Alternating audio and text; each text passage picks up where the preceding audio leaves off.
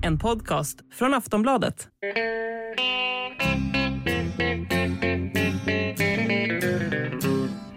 Hello out there, we're on the air. It's hockey night tonight. Tension grows, the whistle blows, and the puck goes down the ice.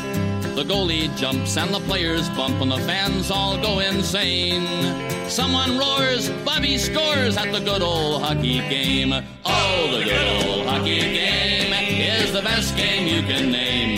And the best game you can name is the Hallå, hallå, hallå, hallå, hallå, hallå, hallå, hallå, hallå, hallå. Hallå, hallå och välkomna till NHL-podcasten med Jonathan Jonis Ekeliv som vi hörde där från Norge i en hytte i, i hans andra hemland. Sitter vår vän på påsklov nu med sin familj.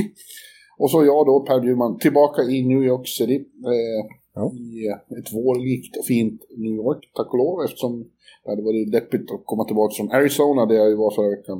Och det var så kallt här. Men nu, nu är det bra. Men hörru du, Ja, Ber- Berätta, var, var, var, var är hytten?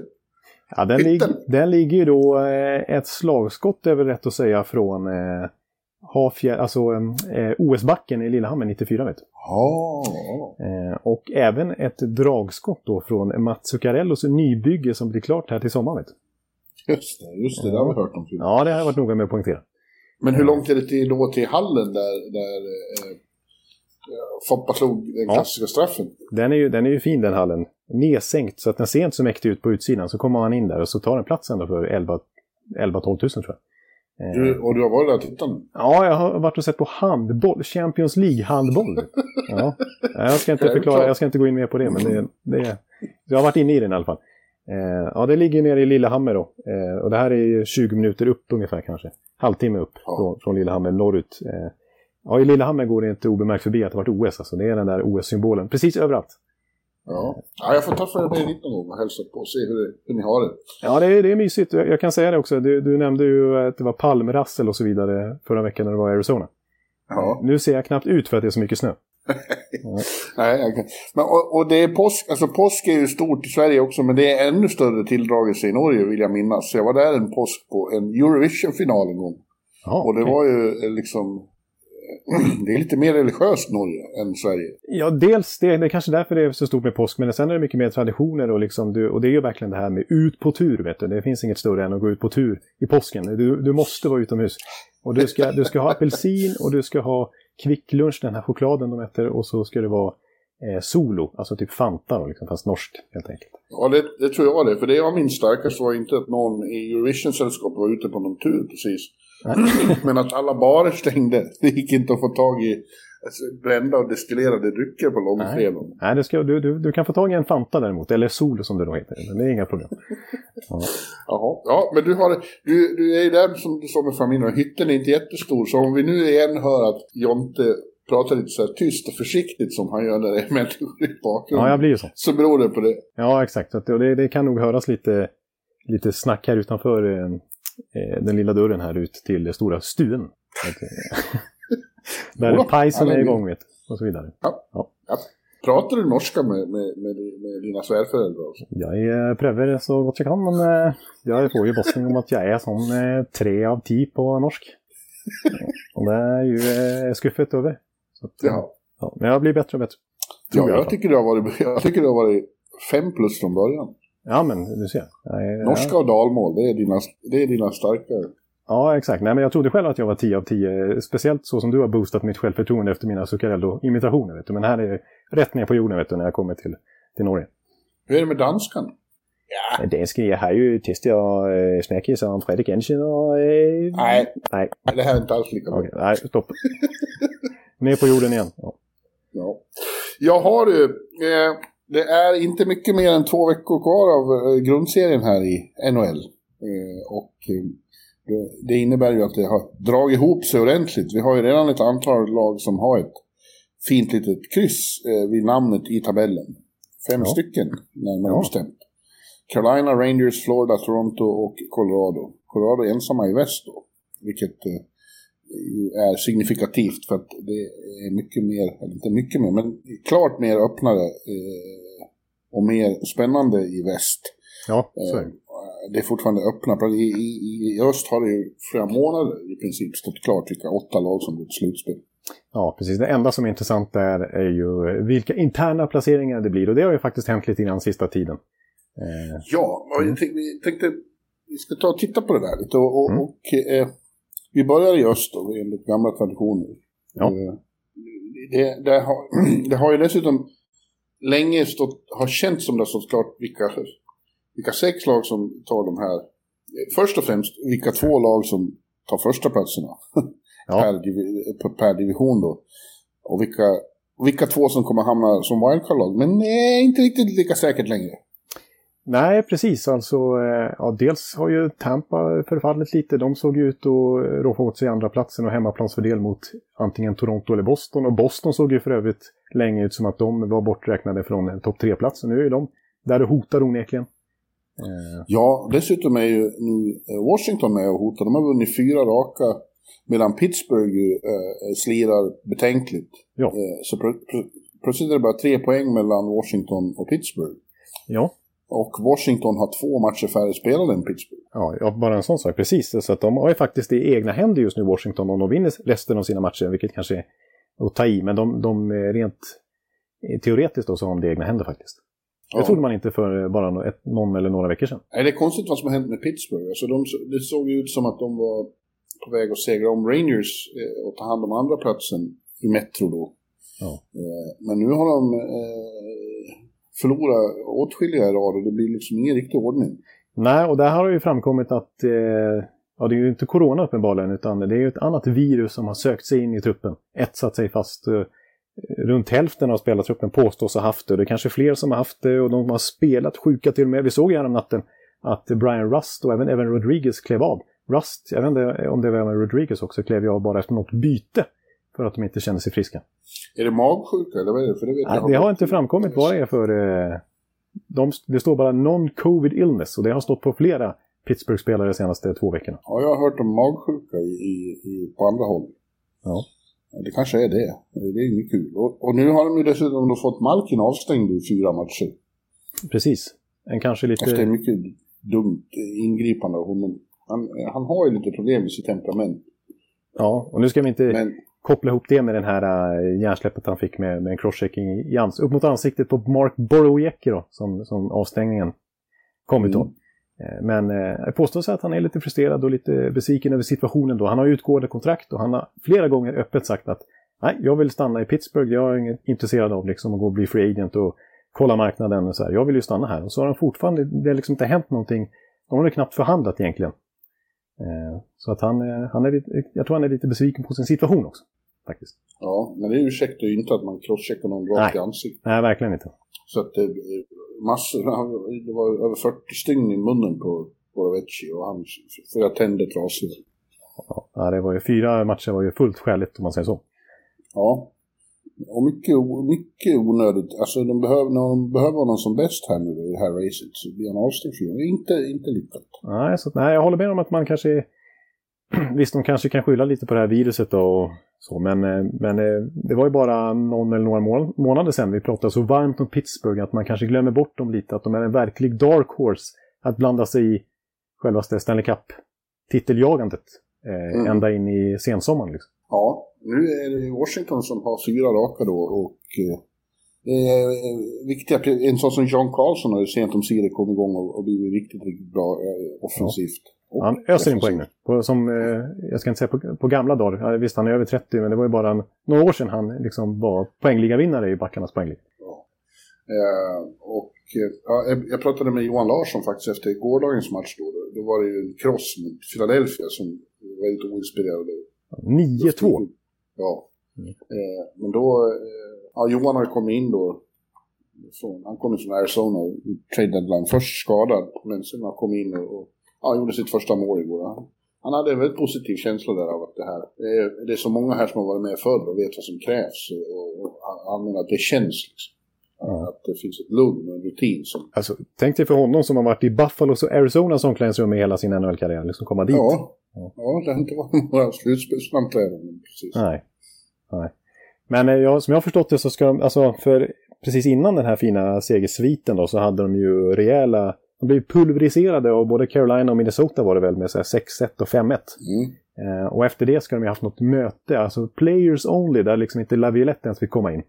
Och så ska de ha snackat ihop sig och sagt att ja, nu är det bara några veckor kvar till slutspel och, och vi eh, ligger här för oss själva och, och slaskar runt på wildcard-plats. Och, eh, det är inte bara att trycka på en knapp så kommer vi vara bra helt plötsligt. Utan de sa att nästa match är en slutspelsmatch. Så Ja. måste vi börja tänka nu. Och då har de, sen dess har de vunnit då, alla matcher. Eh, Och slagit, det är ju ett bra lag de har slagit också. Eh, Kanske inte Philadelphia, men de har ju ändå tagit, de, Tampa till exempel och Boston har de slagit också. Mm. Ja. ja, eh, det- är mer positivt där än vad det var för några veckor helt klart. Ja. Men om vi håller fast vid Metropolitan då, så var det lite, åtminstone fram till igår, så var det lite spännande även i kampen om första platsen. Då var ju Rangers inom, inom räckhåll. Det var bara två poäng mellan dem och Carolina då, som ju har legat etta i månader. Ja, Eh, och så möttes de här på Garden igår, en väldigt, väldigt bra match faktiskt. Den Ja. bästa jag sett på länge. Eh, jag såg ju i bloggen hur lyrisk du var över kvaliteten. Ja. Ja, och, och det var ju också jämnt i två perioder. Men, men sen fick man den här känslan att nu, nu eh, trycker Carolina till lite extra. Och eh, då kändes det som att det är fortfarande skillnad i kvalitet. Framförallt de har ju så många saker man blir imponerad av. Den här eh, forecheckingen, jag skrev igår att den förtjänar en egen staty. Ja, ja, om man kunde förkroppsliga det på något sätt så kanske det är Jesper Fast eller någonting som ska... Ja, men även alltså försvarsmässigt är de så... Alltså, det är så resolut och liksom så sammanhållet och de är så bra med klubborna. Eh, Det är väldigt svårt att, få... Alltså Rangers powerplay är ju erkänt riktigt vasst. Ja, Men eh, de kom liksom ingen... Det blev inga chanser mot Carolina för, för att de... Alltså, så kompakt i, i sin penalty kill och överhuvudtaget i sitt, för- sitt försvar. Ja, de har ju haft sånt otroligt penalty kill, penalty kill under alla år eh, som Rod Brindam har varit där. Och sen är det klart att det är Ja. kvaliteten på spelare med, med Slavin som ju är erkänt extremt skicklig med i positionsspelet och just med klubban att täcka ytor och stänga ner liksom så att man inte får några öppningar. Men det är ju, det är ju uppenbarligen någonting Rod Brindamore gör. Ja. ja, och sen är ju Fredrik Andersen, han utstrålar verkligen lugn och säkerhet längst bakom. Han har ju seglat fram som en eh, Vessina-kandidat bakom Storken. Ja, liksom eh, enligt advanced stats så är ju liksom Fredrik Andersen eh, kanske nummer ett till och med. Jag som slår stenhårt på Igor Sjestjorkins trumma och det kan man ju med rätta göra det. Även enligt alla möjliga statistikkolumner då. Men, men Fredrik Andersen är ju verkligen där uppe också. Rent så. Ja. Jag, jag måste säga också, det var ju första matchen tillbaks för Tony D'Angelo då. Ja. Och man kan verkligen ifrågasätta det moraliska av Carolina och plocka in honom. Men rent sportsligt så är det ju bara att konstatera att få in honom för en miljon dollar. Eh, när de släppte då Doggy Hamilton, lite kontroversiellt med tanke på hur viktig pjäs han var, speciellt i PP och sådär. Eh, som då signade för 9 miljoner dollar med New Jersey. Mm. Och D'Angelo har den här säsongen faktiskt bättre poängsnitt än vad Hamilton hade i fjol. Eh, och kommer förmodligen göra mer poäng än vad Hamilton någonsin gjorde i Carolina under en säsong. Eh, så att rent sportsligt får man säga att de fick enormt mycket valuta för pengarna. ja, och Rodde Bodd är nog en bra coach för sådana eh, kontroversiella spelare. Han ser till att de håller sig på mattan. Ja, för nu har vi sett att han har väl raderat sitt Twitterkonto och han uttalar sig ju ingenting i, om annat än Mm. hockey. Liksom. Han fick väl frågor om covid där i vintras och där kan man ju tänka sig att han hade lite åsikter kring NHLs ageranden hit och dit. Men där sa han att nej, jag, ska, jag håller tyst. Ja, ja, Att, eh, och han säger själv att Roddy Bodd är den bästa coachen han haft och så vidare. Ja. ja. Jesper Fast eh, var ju också tillbaka för första gången faktiskt. Eh, Just det, sen det. han försvann från Guara. Han fick en, fick en egen eh, vid- videohyllning Ja. Och en riktigt hjärtlig standing ovation för publiken. Sen var det ytterligare just D'Angelo och Brendan Smith och, och Brady Skay fick ju också, men de fick en gemensam i, nästa, i nästa paus. Ja. ja, det säger lite grann om fast status. Jag menar, Ja. så många De gånger har som även, han, eh, ja. nu spelar inte han men Derek Stepan är ju där också, Antti Ranta. Det är det är inte längre Tampa som är Rangers South, det är Carolina. Ja, verkligen alltså. Ja, det är lite anmärkningsvärt faktiskt. Och de har mer eh, slutspelserfarenhet än vad de här unga stjärnorna i Rangers har, kan man ju påpeka. Ja, det har du ju rätt i. Ja. Nej, men det, det är som du säger också att det var ett, det var ett litet eh, speciellt möte om toppstriden där. Helt plötsligt Rangers ska, ska de segla upp hela vägen upp på första platsen och peta ner Carolina som man ju har ju sett som ett givet bättre lag på förhand. Men Ja, där visade det sig kanske att det är ändå något snäpp kvar de har Rangers. ja det, så kändes det. Nu ska de mötas en gång till i grundserien innan, innan det är över, på Garden igen, eh, sista veckan. Ja. Vi får se då vad som har hänt fram till dess, om det, om det även det blir ett spännande möte. Det kan ju vara så att oavsett om de spelar mot varandra i först, inte i första rundan så kan de ju stöta på varandra sen i andra rundan. Det är ju eh, mycket troligt att det kan bli så. Eh, Jag ska, jag Men ska, du är... ja. Ja. Nej, nej jag, jag tänkte göra som du tänker. Jag ska hoppa bara snabbt tillbaks. Eh, givet ämne jag kommer in på. Nu, nu suckar ni allihopa här, men jag, jag måste bara säga någonting om Tampa. Jag skulle just komma till vi ska Ja. titta på Atlantic också. Ja. Eh, där, är där är det ingen som hotar Florida i toppen. De, de har, eh, har ju 10 poängs försprång ner till tvåan Toronto då. Ja, det bara Eh, växer och växer. Ja, eh, deras enda problem, åtta raka för Florida nu. Det enda man undrar är hur de ska hålla motivationen uppe. Men det, det påstod eh, Gustaf Forsling och Hamsisten att det är bra det här, att de har fått komma tillbaka i matcher. De har ju haft några otroliga vändningar. Ja, sanslösa vändningar. Ja, det är som att de försätter sig själva i situationer där de måste eh, spela på topp. Ja, precis. För där, där är de uppenbarligen, de inleder uppenbarligen eh, omotiverat och sen så är de i stort underläge mot New Jersey till exempel, en match som ska vinna och så bara smack säger det. Så har de gjort Ja. fyra mål på några minuter. Liksom. Ja, det är lite smart det där att få utsätta sig själv för svårighet. Ja. Ja, vi kan få väl nämna det då, att Toronto har också skaffat sig lite marginal på, på tredjeplatsen. Då. De har 100 poäng nu eh, och är klara för slutspel. Mm. Eh, och just nu då känns det som kampen om tredjeplatsen i Atlantic och, först, och en wildcard-plats står mellan Tampa och Boston. Ja, eh, Boston som slog Tampa och gick förbi en snabbis där. Mhm. Eh, en, Ja, ni, har- ni har varit nere på wildcard. Ja, precis. Exakt. Vi har börjat pendla där numera efter att ha legat på säker plats väldigt länge. Eh, men äh, det som gör mig mest orolig, det är ju... Det har varit en lång formsvacka nu, men ja, jag, jag, jag kollade upp nu. Alltså, un, för jag, magkänslan sa att det kunde vara så. Och det var verkligen så att under hela 2022, det är ändå drygt tre månader, tre och en halv månad, eh, så, har Tampa bara, faktiskt bara en seger mot de övriga slutspelslagen i öst. En seger. De har ju radat upp förluster mot dem. Så det känns inte bra oavsett motstånd här egentligen inför slutspel. Det finns ju teorier och, och jag tror John Cooper var inne på det efter någon förlustmatch här. Att det, det kanske börjar komma ikapp dem att de har spelat extremt mycket hockey de senaste åren. Ja, alltså, som, som jag var inne på här, veckan att eh, rent konkret har de ju spelat då en halv säsong, 40 matcher, mer de senaste två åren än Florida som ju leder. Ja. Så att det, det är rätt mycket. Och så är det, det och just det här rent fysiskt naturligtvis med kortare somrar till återhämtning men också psykiskt då att eh, det har varit så otroligt många viktiga matcher och urladdningar.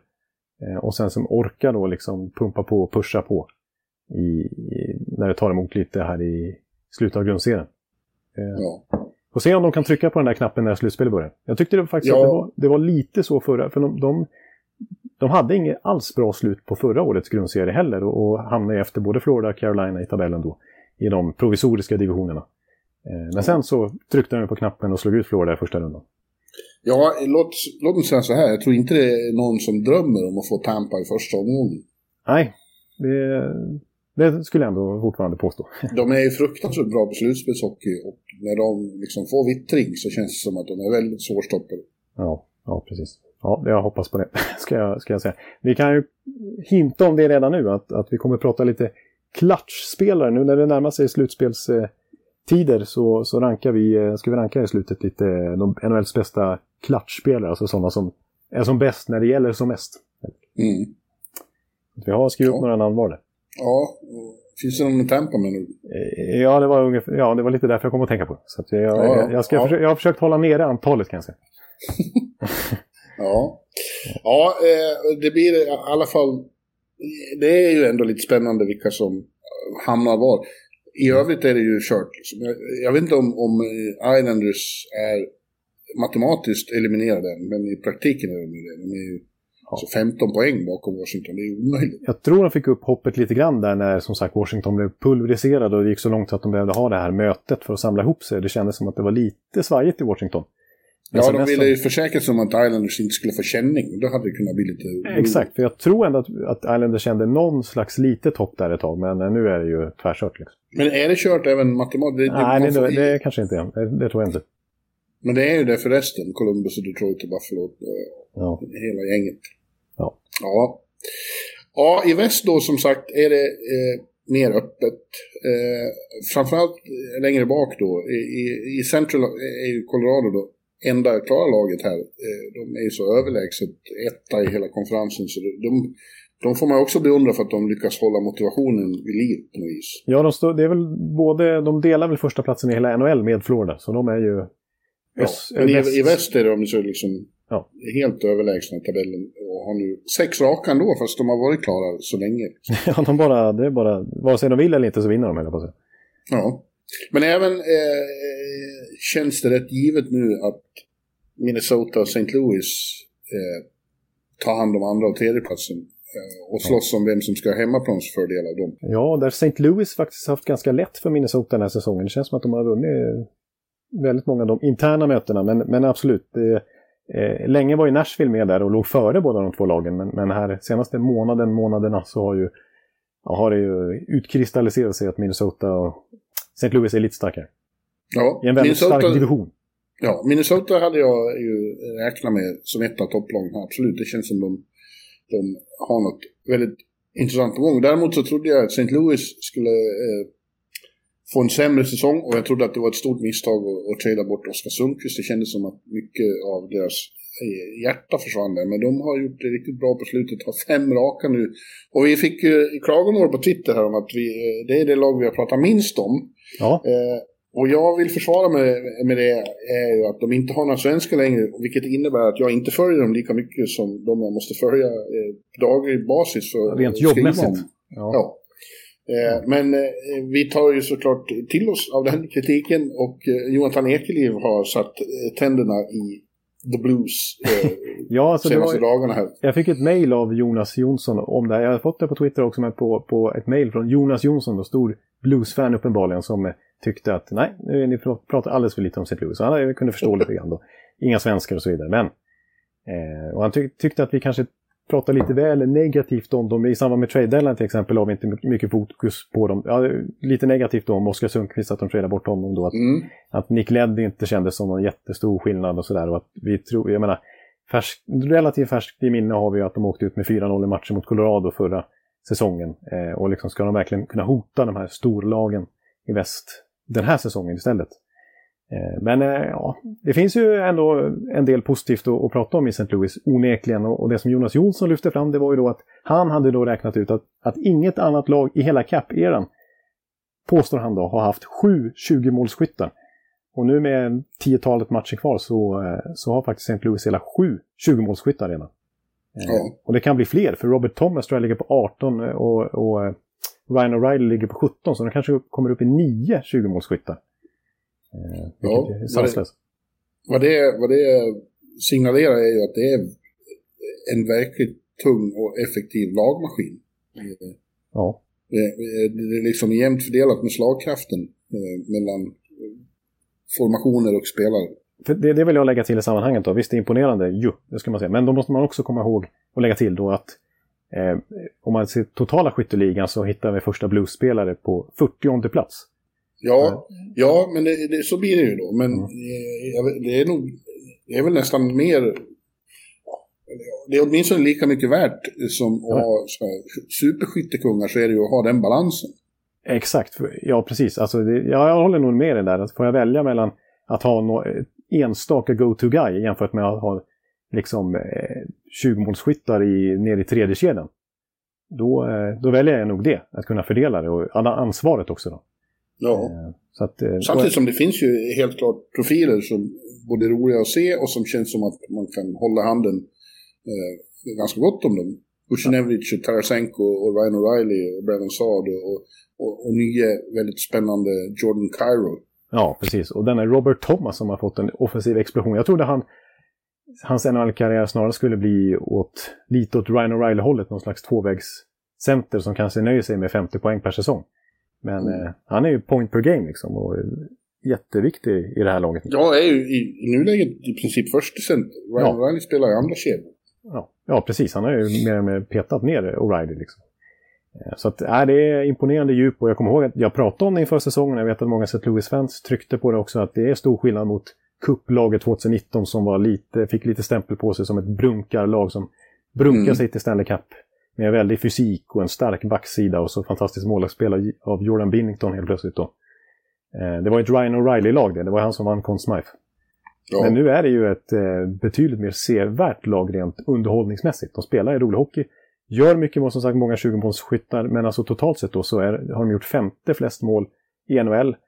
Och vi ska komma in på det senare ur en historisk kontext hur mycket mål eh, det har gjorts överhuvudtaget i NHL den här säsongen. Men alltså St. Louis målfacit, målsnitt per match den här säsongen, det är topp 10 i hela lönetagseran. Men det räcker bara till en femte plats den här säsongen. Mm. Så att de gör ju ja. enormt mycket mål i, ur ett historiskt perspektiv. Ja. ja, sen är det ju intressant att jag, jag hade känt, och det är väl delvis bekräftat också, att Jordan Binnington eh, inte är liksom, det är inte Vessina kaliber på någon längre, om det nu någonsin var det. Men då har ju istället Ville Husso kommit upp och varit riktigt, riktigt bra.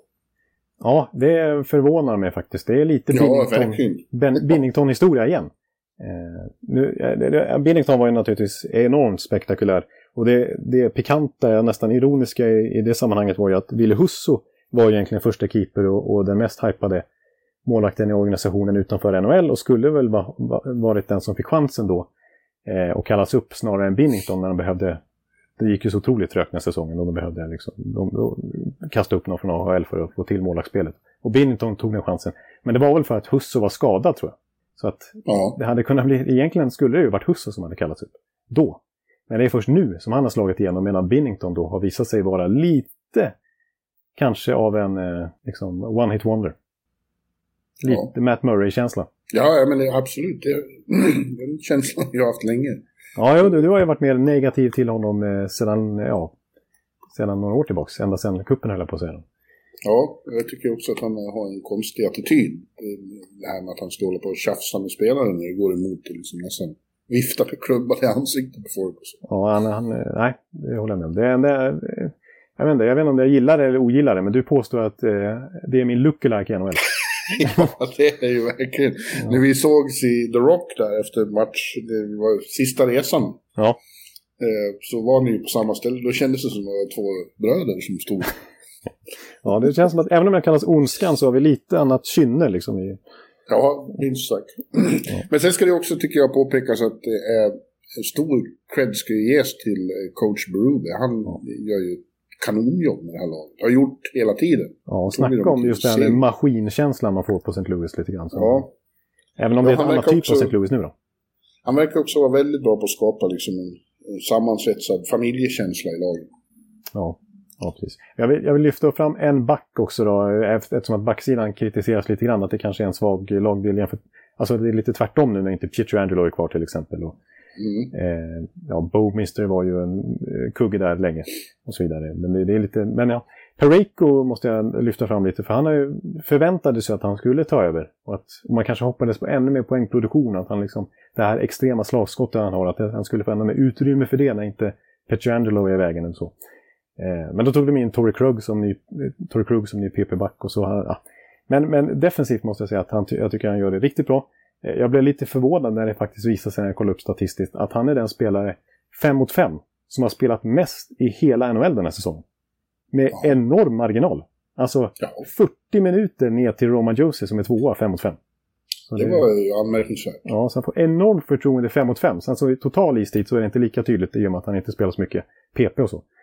Eh, men... Eh, och han, jag, jag såg ju nu liksom att bara sista månaden så har han knappt varit inne på några baklängesmål. Så han har verkligen inledde säsongen lite halvdåligt fram till årsskiftet ungefär. Men sen dess har han varit en, en riktig klippa för St. Louis som ju går väldigt starkt nu också. Men låt mig fråga en sak vad gäller backsidan. Torrey eh, nu har inte jag sett dem så mycket så jag ska inte uttala mig om honom för mycket. Men han är nere i tredje backbar och det var väl inte riktigt vad man hade räknat med när man, när man tradade till så.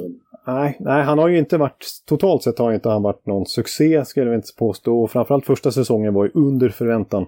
Även PP då, men, men eh, den här säsongen är han väl åtminstone bättre i PP. Så han har ju funnit sin roll eh, bättre rent offensivt. Och sen har man ju skickliga defensiva pjäser. Så att Krug används ju nästan ingenting i sådana roller. Och då blir ju rollen lite mer begränsad totalt sett. Men, men han är ju viktig för dem offensivt åtminstone.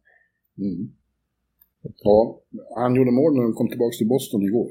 Ja, det är klart han honom. passar det, första, det har ju blivit så, det blir första besöket flera år efter man har blivit tradad för det har varit så lite, ja, på grund av pandemin. Då. Ja, och de här divisionerna man bara mötte lag inom sin division förra säsongen till exempel. Ja. Ja. Ja, ja. Eh, hoppas din vän eh, Jonas är nöjd nu då, när vi har åtminstone haft lite blues här. Ja, precis. Och jag, jag tycker inte jag behöver nämna det igen, för jag tycker jag sagt det förut under säsongen och hyllat liksom, ja, dels Cairo naturligtvis, men även Tarasenko då, som jag har studsat tillbaka så enormt den här säsongen. Eh, nästan 30 mål nu. Han är bäst av St. Louis-spelarna målmässigt. Gjorde, gjorde väl två mål själv i den där Boston-matchen, tror jag. ja, imponerande med tanke på att eh, det var så mycket Ja, han var ju... turbulens kring honom. Seattle kunde så. ta honom gratis i expansionsdraften och, Ja. och det snackades om att han aldrig mer skulle sätta sin fot i St. Louis i princip för det var så en ohållbar relation med klubbledningen. Och han hade ju sådana trasiga axlar att det pratades om att han kanske skulle behöva sluta här för något år sedan. Ja. Eh, och nu är plötsligt så är, det ju, är han ju kung i St. Louis igen. Ja, ja. ja eh, i Pacific då, där har Calgary återigen eh, segrat iväg. Det var faktiskt för, för någon vecka sedan här, då hade de förlorat några hemmamatcher oväntat. Och, lagen bakom började få lite, få lite hugg på dem. Men nu har de vunnit fem raka igen. Eh, fick helt enkelt skärpa till sig där och är segrar i ensam majestät i toppen av, av Pacific. Ja. Men bakom dem då så kan vi ju i resten säga att det är liksom kamp om andra och tredje platsen i Pacific och om de två wildcard-platserna. Eh, Och där finns det lag bakom eh, som fortfarande hoppas eh, och, ett som är desperat över att komma dit. Ja. Just nu är Edmonton då hyggligt säker mark på andra platsen i, i Pacific. Men LA har ju liksom, som var klar, kändes väldigt klara för, för ett tag sedan. Eh, De förlorade fyra raka innan de vann mot Chicago i natt då. Det är en helt otroligt viktig måste-match för dem. Ja. Eh, Men sen har vi då just nu Nashville och Dallas på wildcard. Och så är det ju då Vegas som befinner sig i prekär situation. Och så lite, lite, det är, mycket att hoppas på, men Vancouver och i någon mån Winnipeg jagar bakifrån. Så. Ja, de, de eh, är ju motiverade uppenbarligen och säger det efter varje match att vi har inte gett upp och vi ska upp liksom, på slutspelsplatsen. De spelar ju rätt bra båda lagen. Till och från Ja. också. Elias Pettersson inte minst verkar vara siktet inställt på slutspel eller att komma i kanonform till VM då. Ja, Elias spelar ju sitt, sin klart bästa hockey på hela säsongen. Jag, jag såg ju, förra veckan då var jag i Arizona och såg min sista match i Gila River. Och Ja, det var i Vancouver då. Mm.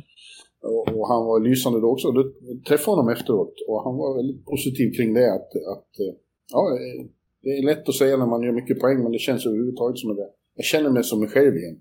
Ja. Eh, och eh, å andra sidan sa han ju efter matchen igår då, de vann igen mot Vegas. Eh, Ja. Väldigt, de har två segrar mot Vegas på en vecka och det kan ju vara det som förseglar Vegas öde faktiskt. Eh, Ja.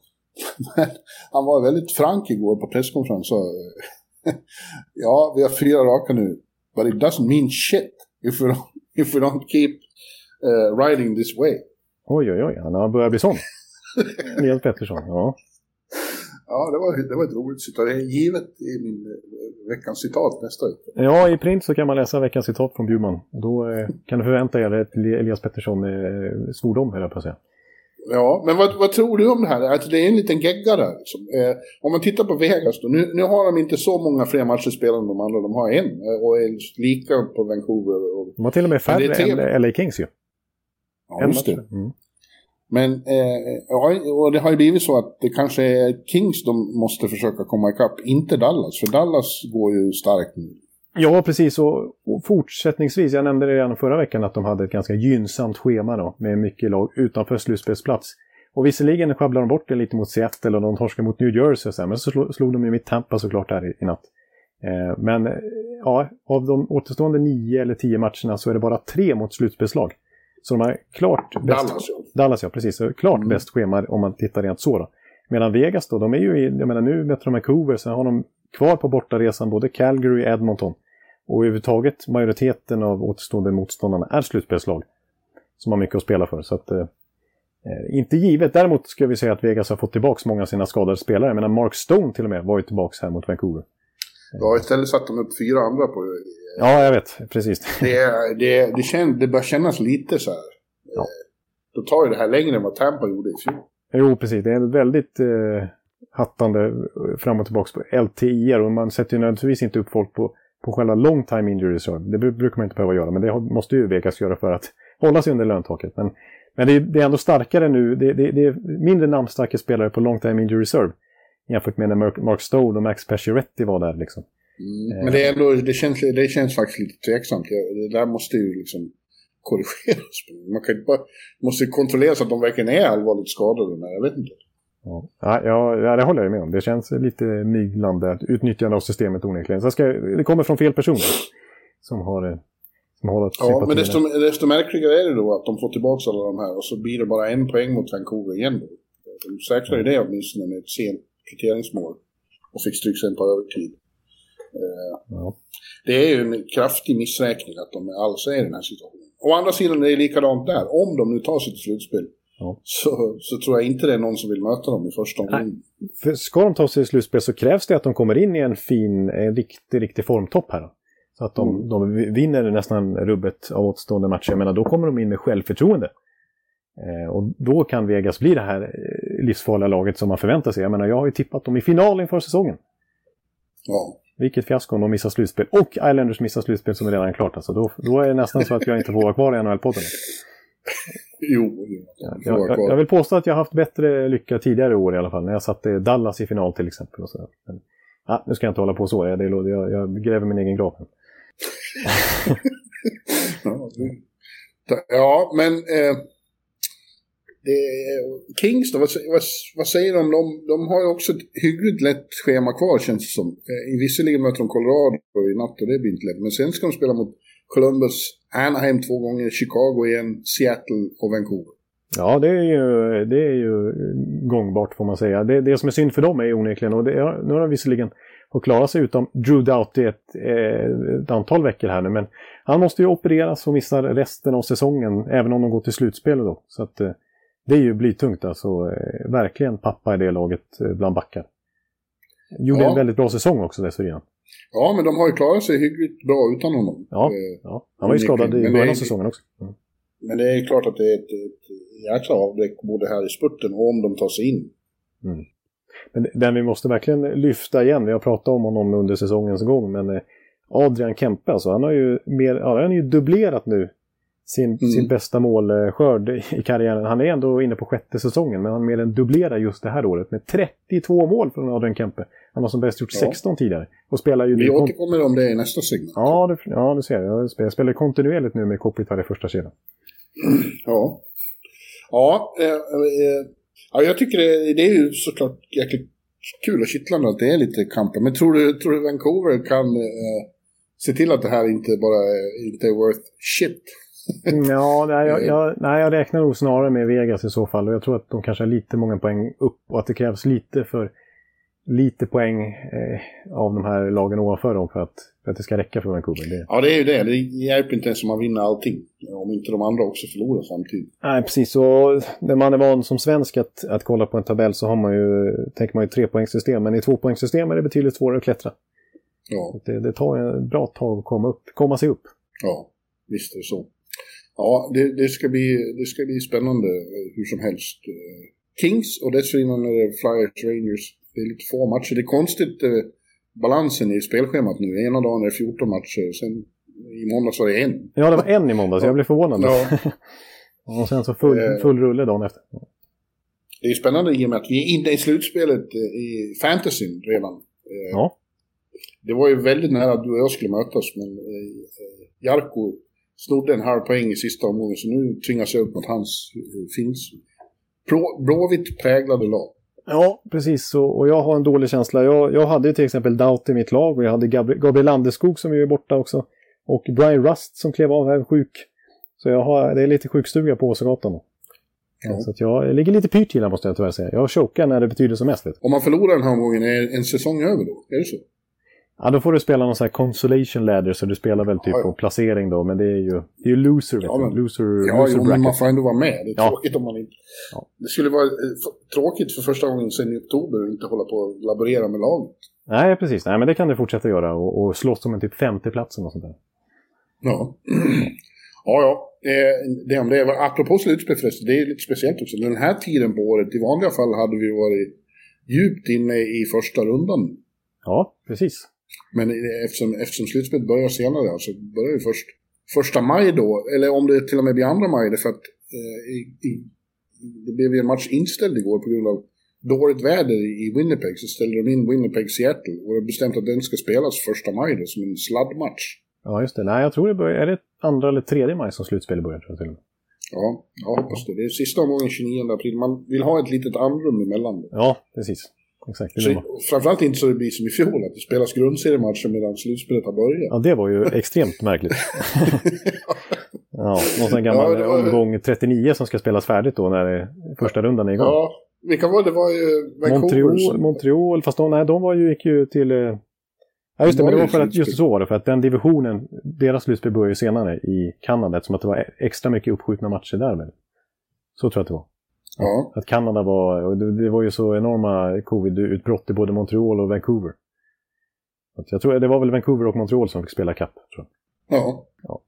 Men eh, ja, vi kanske lämnar eh, tabellracet då och, och kanske kommer in på det som du eh, hintat om tidigare att vi ska prata om. Eh, och som du har skrivit, apropå din print, dina printuppslag där, så har du skrivit en krönika häromdagen om eh, målkavalkaden i NHL den här säsongen. ja eh, det är ju ändå anmärkningsvärt att, att det görs så, eh, så mycket mer. Den här eh, grundserien på det sättet framstår som en av de mest underhållande och spektakulära på nästan i hela, hela eh, cap-eran. Ja, ja. Eh, det görs fruktansvärt mycket mål. Eh, ja. det är alltså eh, tre, eh, ja det var förra helgen det här, då var, då var det i snitt per match 3,12. Eh, Ja. här, eh, alltså, och det låter kanske inte så mycket, men det är högsta sedan 95-96. Ja, ja precis. Det är Eh. högsta under hela cap-eran med ganska bred marginal. Mm. Ja, och, och värst då är Florida som vi har varit inne på, deras oerhörda eh, offensiv. De stod då på 4,16. Och det är också högsta av ett enskilt lag sedan sen 95-96 då Pittsburgh, anförda av Mario Lemieux och Jaromir Jagr, var uppe i 4,41. Ja, ja. ja, nej, jag vet, det, det är helt sjuka siffror. Om man tittar individuellt också så är det ju liksom, vi har redan tre 50-målsskyttar. Bara en sån sak är ju symboliskt. Att Chris Kreider av alla gör 50 mål den här säsongen. Efter att Ja. ha gjort, då, jag, jag pratade om Adam Kempe dubblerar sin målskörd. Chris Kreider hade ju som mest gjort 29 tidigare och nu är han alltså en 50-målsskytt. Ja, och det är massor sånt där. Och att, att Austin Matthews är på väg mot 60 eh, och kanske ännu mer. Eller Mm. förmodligen ännu mer. Eh, Ja. Ja, han är ju slut på han kan- 58 nu så att, det- och det är 10 matcher kvar. Mm. Ja, han kan slå... Ovechkin har ju toppnoteringen under, under lönetag sedan 65 då. Eh, Mm. Men, eh, ja. Och, och Chris Kreider gör, gjorde sitt 50 igår då. Ja. Eh, Blott den fjärde i New Rangers snart 100-åriga historia som har nått det. Ja, ja, det är, ja vi är bara mer man kan fortsätta. Så vi är redan uppe i fyra som har gjort 100 poäng. Matthew står på 99 så det är snart fem och det kommer bli fler som gör 100 poäng den här säsongen. Eh, Ja. Jag kommer ihåg så sent som 14, eller så sent som, men säsongen 14-15 i alla fall. Då vann ju alltså Jamie Benn poängligan på 87 poäng. Ja. Och det är alltså lika många poäng som Roman Josi med ett dussin matcher eh, kvar. Alltså en back har gjort hittills den här säsongen. Så att, eh, och det vann man alltså poängligan på för 5-6 år sedan. Ja, Roman Josie kan komma nära 100 och ingen back eh, sen, jag tror det är Brian Leach, 30 år sedan som var på 100 poäng. Ja, precis. Så det, det är också historiskt just att eh, vad man än kollar. Det enda då som, som eh, man konstaterar lite grann är väl att målvaktsspelet då Ja, men vänta, vi återkommer. Ja, ja. Vi ska dra några till exempel. Johnny Gaudreau är ju då som du säger uppe över 100 nu och det har ingen i Calgary varit sedan eh, Theo Fleury i början av 90-talet. Nej, nej. Eh, och det är ju lika om man tittar på svenska eh, målligan. Vi har ju eh, ett helt... eh, Vänta, nu måste jag ta upp det här. Eh, vi har två som är på väg mot 40 och det har inte hänt sedan 07-08. Då hade Zäta och Affe eh, var båda över 40. Eh, Ja. nu, nu är både Elias och Filip på väg dit, de står på 38, men vi har också flera stycken över 30, som, fler än vi brukar ha. Du, du nämnde ju Adrian med 32, Landeskog fast han inte har spelat på jättelänge står ju på 30 och så kommer Nyllet, Zibanejad och Elias Pettersson kan nå dit också. Ja, då blir det sju. Jag menar, det måste ju ändå vara rekord. Sju svenska Ja. 30-målsskyttar alltså. Det måste ju vara rekord. Eh, Ja, jag, jag, jag nämnde Jamie Benn-säsongen där, eh, 14-15, när han vann på 87 poäng. Då hade vi ingen svensk som gjorde 30 mål. Nej. Nu kanske vi har sju. Ja, det, det är ju, eh, ja det är verkligen frapperande faktiskt. Ja. Men det finns ju teorier om varför det är så här. Och en är ju att det har varit så på grund av eh, det här, eh, vad pandemin har ställt till med att det blir så tajt, tajt schema att många lag är oftare trötta mm. och in, slitna och inte liksom försvarar sig med samma stringens som vanligt. Och av samma anledning har målvakter blivit eh, skadade i högre utsträckning än tidigare. Varför en massa lag har fått liksom förlita sig på tredje och ibland fjärde målvakter. Det har varit på sina håll väldigt tveksam målvaktskvalitet. Jo, det är sant. Det har ju varit en hel del fjärdemålvakter faktiskt eh, som har startat matchen den här säsongen. Mer än vanligt. Ja. Och jag, jag tycker en, en, annan frapperande statistik, jag nästan la mest märke till här, är att målskörden, alltså precis tvärt hur det har varit nästan alla tidigare säsonger, så har målskörden ökat under säsongen. Annars vet jag att Jarko brukar snacka vilt om att så här, ja men du vet i, i oktober eller november när de bara spelar en månad och så har Line gjort 12 mål redan. Och så säger han, alltså han har snittat för 85 mål. Alltså, han kommer göra 70 mål, Patrik Line. ni, ni vet när ni hörde det från dem först. Han kommer göra 70 mål. Liksom, och Conor McDavid har snitt på 185 poäng och kan slå Gretzky liksom, eller något sånt där. Men, eh, men så, och så liksom, ja, successivt så blir det mindre och mindre. Jo. Men eh, den här säsongen är det tvärtom. Det är liksom, ja. nu i april, när de bara spelar halva april, då, men det är högsta målsnittet under hela säsongen, den här månaden. Mm. Och det har nog lite att göra med den teorin om att det är en utmattning. Eh, försvarsspel helt enkelt inte är lika vasst. Nu kan man tycka visserligen att offensiven kanske borde hämmas också, men, men eh, i, i det här året så är det tvärtom. Att eh, uppenbarligen så är det, blir det lättare och lättare att göra mål ju längre säsongen går. Ja. Ja, kanske blev det, kanske eh, ändå gick snittet ner lite den gångna natten, för då hade vi två 1-0 matcher. Eh, Ja, och Tampa blev nollade till exempel. Ja. Mm. Men, eh, ja, inte mig emot. Det är ju, det är ju bara kul. Det, finns inget roligare än mål. Nej, heller den här utvecklingen, onekligen. Ja. Och jag har en liten teori själv då, som jag inte sett någon annan. Eh, det kanske är en vedertagen, jag vet inte. Men jag tror att det kan ha lite grann att göra också med eh, statsvurmen. Alltså avancerad statistik, sådana som jag liksom för, liksom för när jag började med den här podden 2013 och liksom jag slängde fram någon Corsi-siffra eller så, så, så sågs man ju som en nörd, liksom. Watch the games, nörd. sågs, sågs du som en nörd? Du ses, ja, ja, ja, definitivt som en nörd fortfarande. Ja, det är så. Det är så. Men, eh, men jag menar, nu är, har ju alla klubbar liksom ganska stora, i princip alla klubbar har liksom stora analytics eh, avdelningar och rätt många har ganska stort inflytande. Och jag menar inte att det nödvändigtvis har gjort... Ja, men det, det jag menar då tror jag är att vi ser ju liksom att det är mer skill i varje lag nu. Att, att det är viktigt att eh, det är inte lika tydliga rollspelare och att du måste ha, kunna göra poäng även i tredje och fjärde kedjan. Och, du, du tar åt där ja. Nej, men jag menar då att liksom, när, du, när du scoutar en spelare som du kanske ska ha till tredje kedjan och du vill ha en intensiv, hårt checkande fysisk spelare ja, men då, då, är det många ändå som kollar på avancerad statistik. Kan den här killen ta sig ur egen zon, beroende på position då, liksom, hur, hur mycket skott genererar han? Eh, som liksom säger lite om hans spelsinne också. Så att när du letar eh, en, en, ja, men en Blake Coleman eller en Jesper Fasten och sånt där. Det, det är den nutidens rollspelare som, som, som har det här gamla, hårda i sig men, och intensiva, men också kan spela hockey på en hög nivå. Mm. Liksom. Eh, det tror jag har eh, skjutsat upp målskörden också. Att det är inte bara go-to-guy som levererar utan det är ju hela nere, nere i fjärde kedjan och som St. Louis då att de slår rekord i, i Capera nu med, med antal 20-målsskyttar. Så att, eh, jag tror det spelar eh, till viss del också. Mm. Att, att det premieras skill. Ja, det är ju det är ju det hållet det går, men det har det gjort rätt länge. Ja, alltså jag, jag ska inte eh, ta åt mig all ära här som statsnörd. Men jag har försökt det. ja, jag, tappert, tappert försök. Ja, tack. Du, apropå skills då, så är det ju också så att eh, de avhängda lagen eh, den här tiden på året börjar fasa in eh, prospects och eh, unga killar som spelar college under säsongen eller varit nere i AHL. Eh, de får ju chansen nu för sådana lag som Buffalo, Jersey och company. Eh, ja. Igår kom till exempel Owen Power, gjorde sin första match för Buffalo. Ja. Eh, och han i Seattle, vad heter han? Matty Beniers. Ja, som var tvåa då.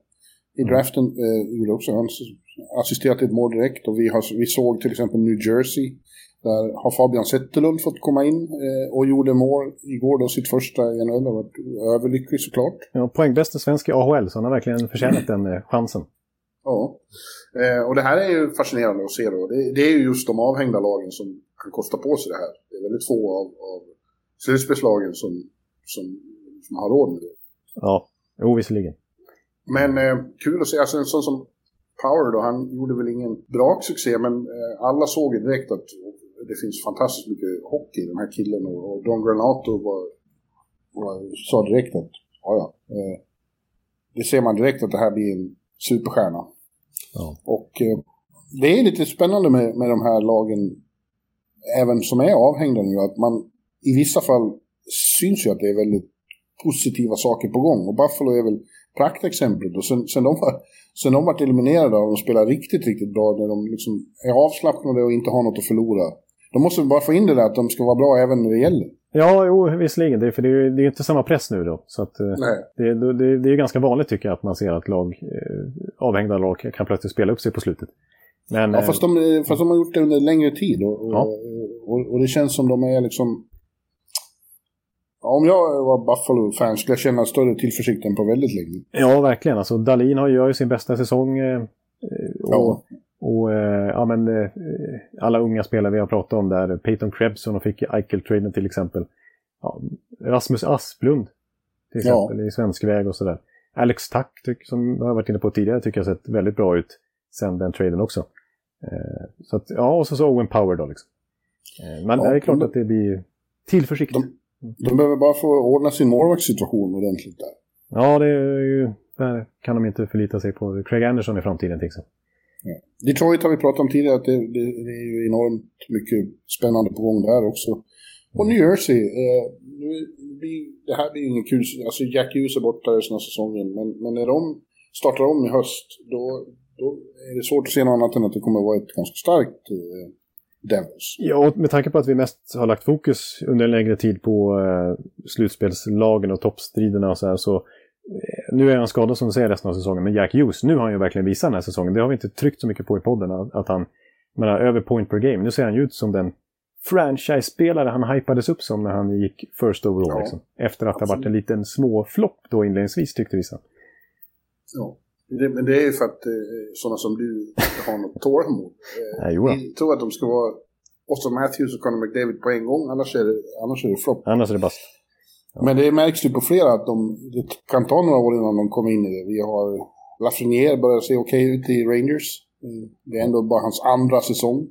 ja, mm. uh, ja, nej, det, det ser just Bland de avhängda i väst är det mindre uh, sådana exempel som sticker ut. Uh, det finns mm. i princip inget. Ett ja, intressant lag som har någon, ja, de fick ju Jack McBain i någon trade med ja. Minnesota till exempel. Ja.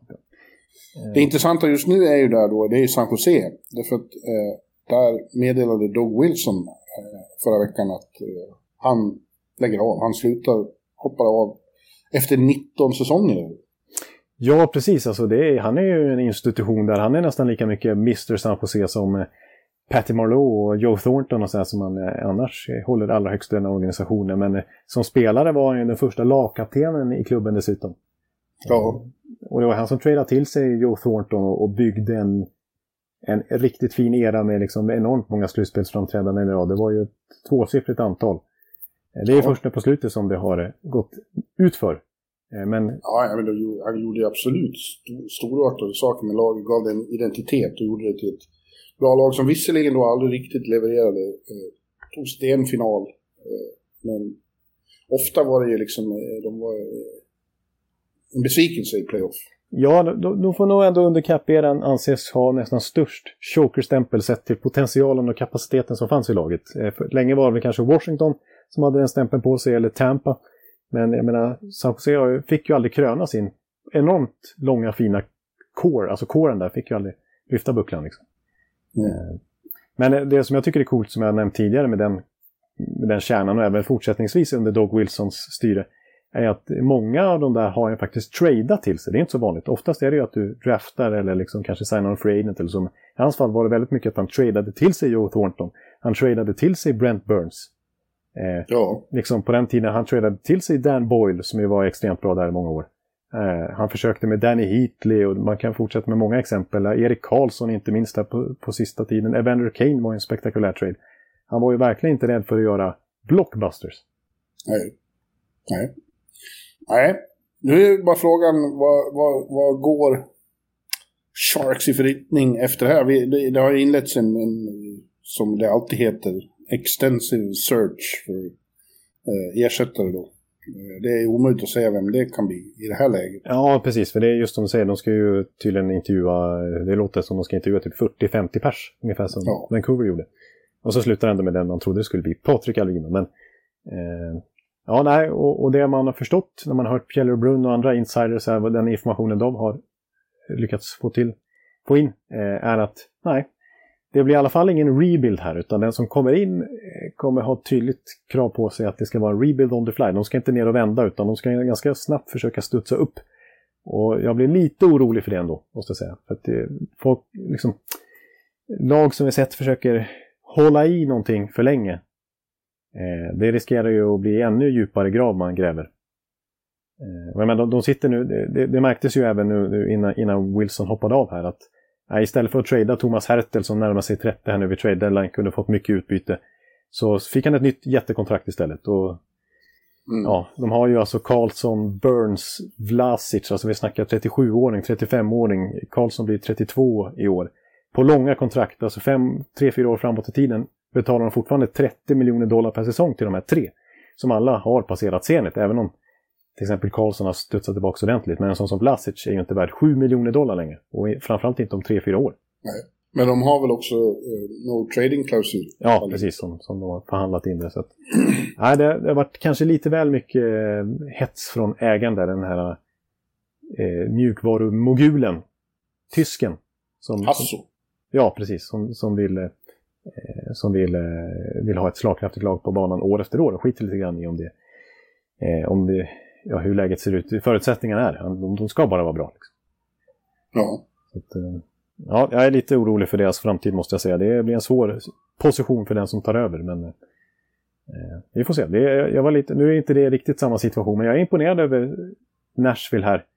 Som, det kändes som att de skulle tour it up lite grann, men de gjorde någon slags rebuild on the fly och skickade bara vissa pjäser och fick in lite grann. Och även om det är snarare de gamla som har spelat upp sig det här året så har de ju lyckats studsa tillbaks på ett fint sätt den här säsongen jämfört med vilken riktning de såg ut att gå mot för ett år sedan. Ja, det blir intressant. Jag, jag, jag envisas med att tro att det finns väldigt mycket mer att ta av Erik. Jag, jag tror inte han är... Han är inte slut. Han har ju varit bra den här säsongen när han har kunnat spela.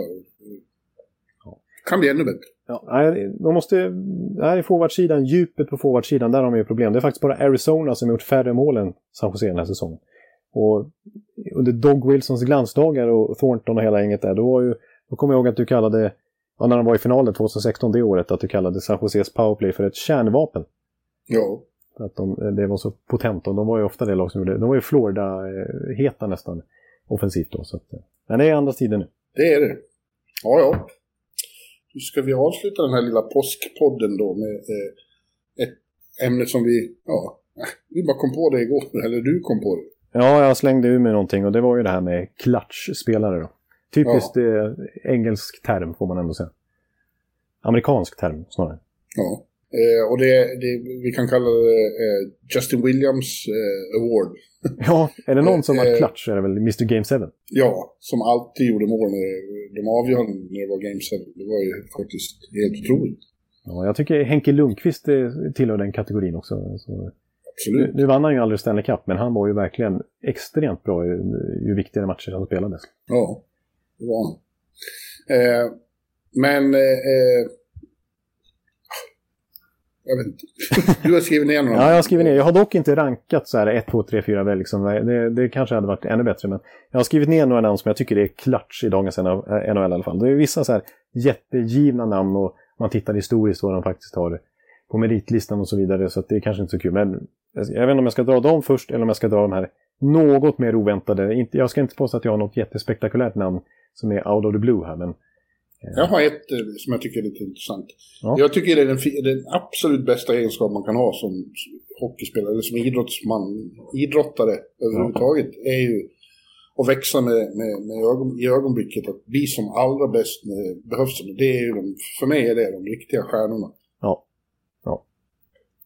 Ja. Ja, ja jag håller helt med dig. Det är, det någon egenskap man skulle vilja ha så är det väl det. Ja. Och är det någon man inte har så är det det. ja, ja, jag måste erkänna att så är det, så är det i mitt fall. Nog. eh, ja. Nej, jag fick något trauma här nu med någon innebandystraff en gång i tiden. Jag ska inte, jag ska inte dra. Men... Eh, eh, ja, eh, men eh, ja, det är svårt att inte nämna. Om jag bara namedroppar lite först några självklara namn så har jag skrivit upp till exempel Sidney Crosby. Som ju har... Liksom, han har ju tre Stanley Cups, han har varit eh, Conn Smythe-vinnare, alltså MVP i två av dem. Och som vi har varit inne på många gånger, han har ju vunnit allt han har ställt upp i. Han har ju avgjort OS-finaler, han har mm. Eh, blivit MVP i World Cup, det enda som han har spelat i. Han har ju vunnit liksom på juniornivå i princip allting också. Eh, så att det är svårt att inte nämna Sidney Crosby att han höjer sig när det, när det betyder som mest. Ändå. Ja. Generellt sett i karriären. Eh, och så har jag även skrivit upp Patrick Kane då som ju... Ja, han, är, han har faktiskt bara Joe Sakic och självaste Morris The Rocket Richard framför sig i antal övertidsmål i slutspel. Ja, Patrick Kane skrev jag också ja. spontant. Ja, precis. Och han har ju avgjort mycket känt en Stanley Cup-final 2010. Han har ju vunnit Conn Smythe och så vidare också. Och han har ju klart mest poäng av alla Chicago-spelare under den här, i slutspel under den här dynasti-eran. Så att Patrick Kane är ju en klatsch-spelare. Eh, ja, det var de mest givna namnen. Sen har jag mina Tampa-namn som jag kan dra lite snabbt. eh, vi har en, en, en, spelare som heter Nikita Klatcherov. Mm. eh, Ja, han, det går svårt att säga att han inte är klatsch. Alltså jag nämnde Sidney Crosby precis. Och sen, sen, sen Kutjov debuterade 2013 i NHL eh, så har han alltså gjort 40 mer poäng, eller 41 mer till och med, poäng mer i slutspel än någon annan aktiv NHL, eller överhuvudtaget någon annan spelare i NHL. Och näst bäst är ju då Crosby. Men det är alltså 40 poäng fler av Kutjov. Han har, under de här två Stanley Cup-vinsterna så har han vunnit poängligan båda gångerna. Så att smeknamnet Kutjerov är ju svårt att snacka bort. Jag kommer ihåg i finalen 2015 när jag åkte över och såg Kutjerov bli skadad mitt i finalserien. Det vände ju alltihopa. Sen vann Chicago rubbet efter det. Så att, eh, nej, han är, han är klatsch. Ja, ja eh, absolut. Jag har faktiskt eh, två svenska namn. Två svenska namn? Jag har bara ett. Mm. Ja, få höra ditt då. Jag har skrivit upp Elias Lindholm. Ja, ja. Sådana har vi inte sett så mycket av i slutspelet. Nej, precis. Utan jag baserar det lite grann på dels, jag har tror jag hänvisat till dem tidigare under säsongen här i podden, men Daryl Sutter kommentarer om honom att han, han det är mest på känsla då att han menar att, liksom att det, ja, det, när matcherna står och väger då är det alltid Elias Lindholm man förlitar sig till och det är han som kliver fram då och avgör och gör viktiga spel, både offensivt och defensivt så att säga. Han, alltså, när jag själv Daryl Sutter som har vunnit så extremt mycket. När en coach har sånt förtroende för en spelare, det är positivt. Och som jag nämnt tidigare då att eh, sen han flyttade till Calgary så är han topp 10 i hela NHL när det kommer till game winning goals i grundserien. Då. Eh, ja. Medan han totalt sett är typ på 40 plats i mål sen den flytten. Men när det kommer till game winning goals topp 10. Så han gör ju verkligen viktiga mål, Elias Lindholm. Och jag, nu har han börjat göra väldigt mycket mål också. Ja. Ja, ja jag, jag slänger in ett, eh, för dig då förmodligen mer oväntat namn. Och det är André Burakovsky. Jaså, okej. Okay. Ja. Han blir alltid som bäst i de allra största matcherna. Och, och det finns ju framförallt en då när, eh, när eh, de såg ut Tampa i, i, på väg mot finalen 28, Washington. Då gjorde han båda målen. Ja. Ja, han, han har det där i sig. Det, det, har han i blodet från pappa Robert. När det är som störst och bäst, då är det roligast att spela hockey. Ja. Väldigt fint poängsnitt eh, i Colorado också när det kommer till slutspel. Ja. Ja. Nej, det andra är de stora ögonblickens man. Ja, det, det, var, det var ett roligt namn. Det var roligare än att slänga ut sig Patrick Kane, som jag gjorde, eller som du också gjorde. Alltså, det, alltså, ja. det får man ändå säga. Ja, men Lillburra, det är man håller handen när det, när det börjar blåsa. Ja, det, det, håller jag helt med om. Om jag ska ta något lite mer oväntat namn eh, också då, som svar. Inte lika bra, för jag vet att jag pratat om det här tidigare. Men då slänger jag faktiskt ur mig Sam Bennett i Florida. Ja, men honom har vi väl inte heller sett så mycket av i slutspel. Nej, men jag, jag ställer det lite i relation till eh, övriga Calgary-spelare. För att han är faktiskt, nu är jag inte Calgary-spelare längre, men ur den gamla kåren, när alla aktiva gamla eller nutida Calgary-spelare, så är han den som har gjort mest mål i slutspel. Och ser man till grundserien är ju långt ner på den listan. Men i slutspel har han gjort mer mål, långt mer mål eller långt mer, han har faktiskt bara två mål, mål, mål mer än eh, Johnny Gaudreau. Till exempel. Mm. Så att, eh, och han var väldigt bra, kom ihåg, eh, mot Tampa i, i den eh, slutspelserien i fjol också. Han, han var, blivit, tyvärr för Flores del, lite väl het och faktiskt avstängd sista matchen. Eh, men eh, han, är, han, är, han älskar ju stora matcherna han också. Ja, och mitt avslutande svenska namn då är Patrik Hörnqvist också. Ja. Där har du en som alltid är inne i de stora ögonblicken. Nu har han ju en liten annan roll i Florida i år då. Han spelar lite mindre. Men det kommer ju att vara en väldigt enormt nyttig person att ha med sig på den här resan. Ja. Eh, Han har verkligen erfarenhet av stora matcher och hur man agerar då. Han satte till exempel avgörande visserligen i tom kasse, men han sa att det var det nervösaste ögonblicket i hans liv när han kom åkande över isen. Shark Tank mot öppen kasse, får inte missa, får inte missa. Nej, nej. Eh, och, och är ju liksom pådrivande också. Eh, Ja. Genom sitt exempel kommer han att se till att Florida är på topp i de här matcherna, det kan jag försäkra. Ja, från att ha haft en ganska, som du säger, undanskuffad roll den här säsongen och nere i fjärde kedjan och tio minuter per match ibland, liksom, under det till och med någon gång, så, eh, så tror jag att hans roll kommer växa här när slutspelet börjar. Mm. Det, det är min känsla. Det, han kommer bli svårpetad då. Och hans gamla Pittsburgh-kompis Carl Hagelin är ju verkligen en sån spelare. Nu, nu är, är ju hans framtid osäker, men totalt sett i NHL-karriären så måste man verkligen säga att Carl Hagelin har varit klatsch. Och, och varit känd för att vara som bäst i viktiga matcher. Framförallt defensivt då. Mm. Eh, Så att, ja. Eh, Men ehm, ja, ja, jag jag måste nämna en till Tampa-spelare i alla fall. Jag skulle vilja egentligen nämna Hedman här också. Braden Point som har såklart mycket bättre sp- poängsnitt i slutspel än grundserie. Men det är svårt att inte nämna Vasilevski som alltså håller nollan i samtliga elimination-matcher under förra årets slutspel. Fyra raka Ja. nollor när det var elimination-match. Och Absolut. dessutom fem raka om man räknar in Stanley Cup, avgörande Stanley Cup-finalen 2020 också. Mot Dallas där. Så att eh, fem raka nollor. Ja. Ja. Eh, Ja, men eh, eh, det är absolut. Och det ger sån här... Jag tyckte man såg det i slutspelet så att, att det sätter nästan, inte skräck, men det sätter en väldig respekt i motståndaren när man vet att en sån kille kommer ut och tänker spela sin bästa hockey. Ja, precis. Det, det, det, man får ju frågor om det så här. Hur ska ni göra mål på Vasilevski nu när han har hållit nollan i tre raka elimination-matcher eller så? Ja. Ja. Det har han gemensamt med Henke där. Ja, att, ja faktiskt. Ja. Eh, apropå målvakter, nu är inte han eh, i sitt livsform längre precis, men eh, totalt sett över karriären tycker man får slänga upp eh, Braden Holtby här också. Eh, ja, Washington hade ju många misslyckade slutspel innan de till slut vann 2018, men statistiskt sett så räddningsprocent i sin slutspelskarriär så är Braden Holtby helt otroligt bra. Eh, han har spelat 97 slutspelsmatcher, har nästan 93 i räddningsprocent. Och det är av spelare som har målvakter som har kommit upp i ni- eh, minst 97 slutspelsmatcher så har han, han den bästa räddningsprocenten. Och då, då eh, är det på samma lista som till exempel Henke Lundqvist, Patrick Ra, Martin Brodeur, Dominik Hasek, Ed Belfour, eh, Ken Dryden, hela gänget liksom. Mm. Att, Ja. eh, Ja, vi får se vad det är värt i år, Jonte. Ja, precis. Eh, En annan Dallas-spelare, Joe Pavelski, är alltid bra i slutspel. Har ju vunnit skytteligan i slutspel när San Jose gick till final 2016 och var ju extremt bra i bubblan när Dallas gick till final 2020 också. Så att han vill jag nämna också. Mm. Ja, och så skrev jag upp Ryan O'Reilly här, men ja, vi, eh, vi nöjer oss där. Nu får vi... Ja, Nu, vi nöjer oss. nu tror jag vi... Nu får vi... nu är det stopp. Ja. Nu ska jag gå ut och göra lite ärenden i solen. Ja, och jag ska, Alltid mycket när man precis har kommit hem. ja, det förstår jag. Det har lite att ta igen nu. Ja. Och jag ska gå ut Ja. i studion. Ja, eh, eh, vi får väl ta och önska dig och alla andra en riktigt glad påsk. Det är inte riktigt samma grej här. Eh, Det är påsksöndagen som är lite stor, men, men skärtorsdag, långfredag, påskafton passerar ganska obemärkt här faktiskt. Ja, ja. Ja, jag, Och vilket är väldigt konstigt eftersom eh, det är så kristet, först är så kristet land här. Så är det liksom, i kristligt sett så borde ju påsk egentligen vara en eh, kanske den stora högtiden. Ja, men det, nej, det är det faktiskt inte. Nej. Ja, jag kommer nog aldrig ha firat påsk så mycket som jag gör den här helgen. Vet du. Det är planer för varje dag. Vet du. Så det, Ja, jag, kanske ska, ja, men jag ska nog gå till kyrkan faktiskt och sitta en stund. ja, det ser man. Ja, Det hade du inte räknat med. Nej, det jag- hade jag nog inte räknat. Ja, men jag är en, jag är en, jag är en Christian. Och så gör du podd med ondskan. Ja, Det går bra. precis. Det går bra. Ja. Men du, Eh. eh, Då eh, hörs vi eh, om en vecka. Då är jag tillbaka på svensk marknad.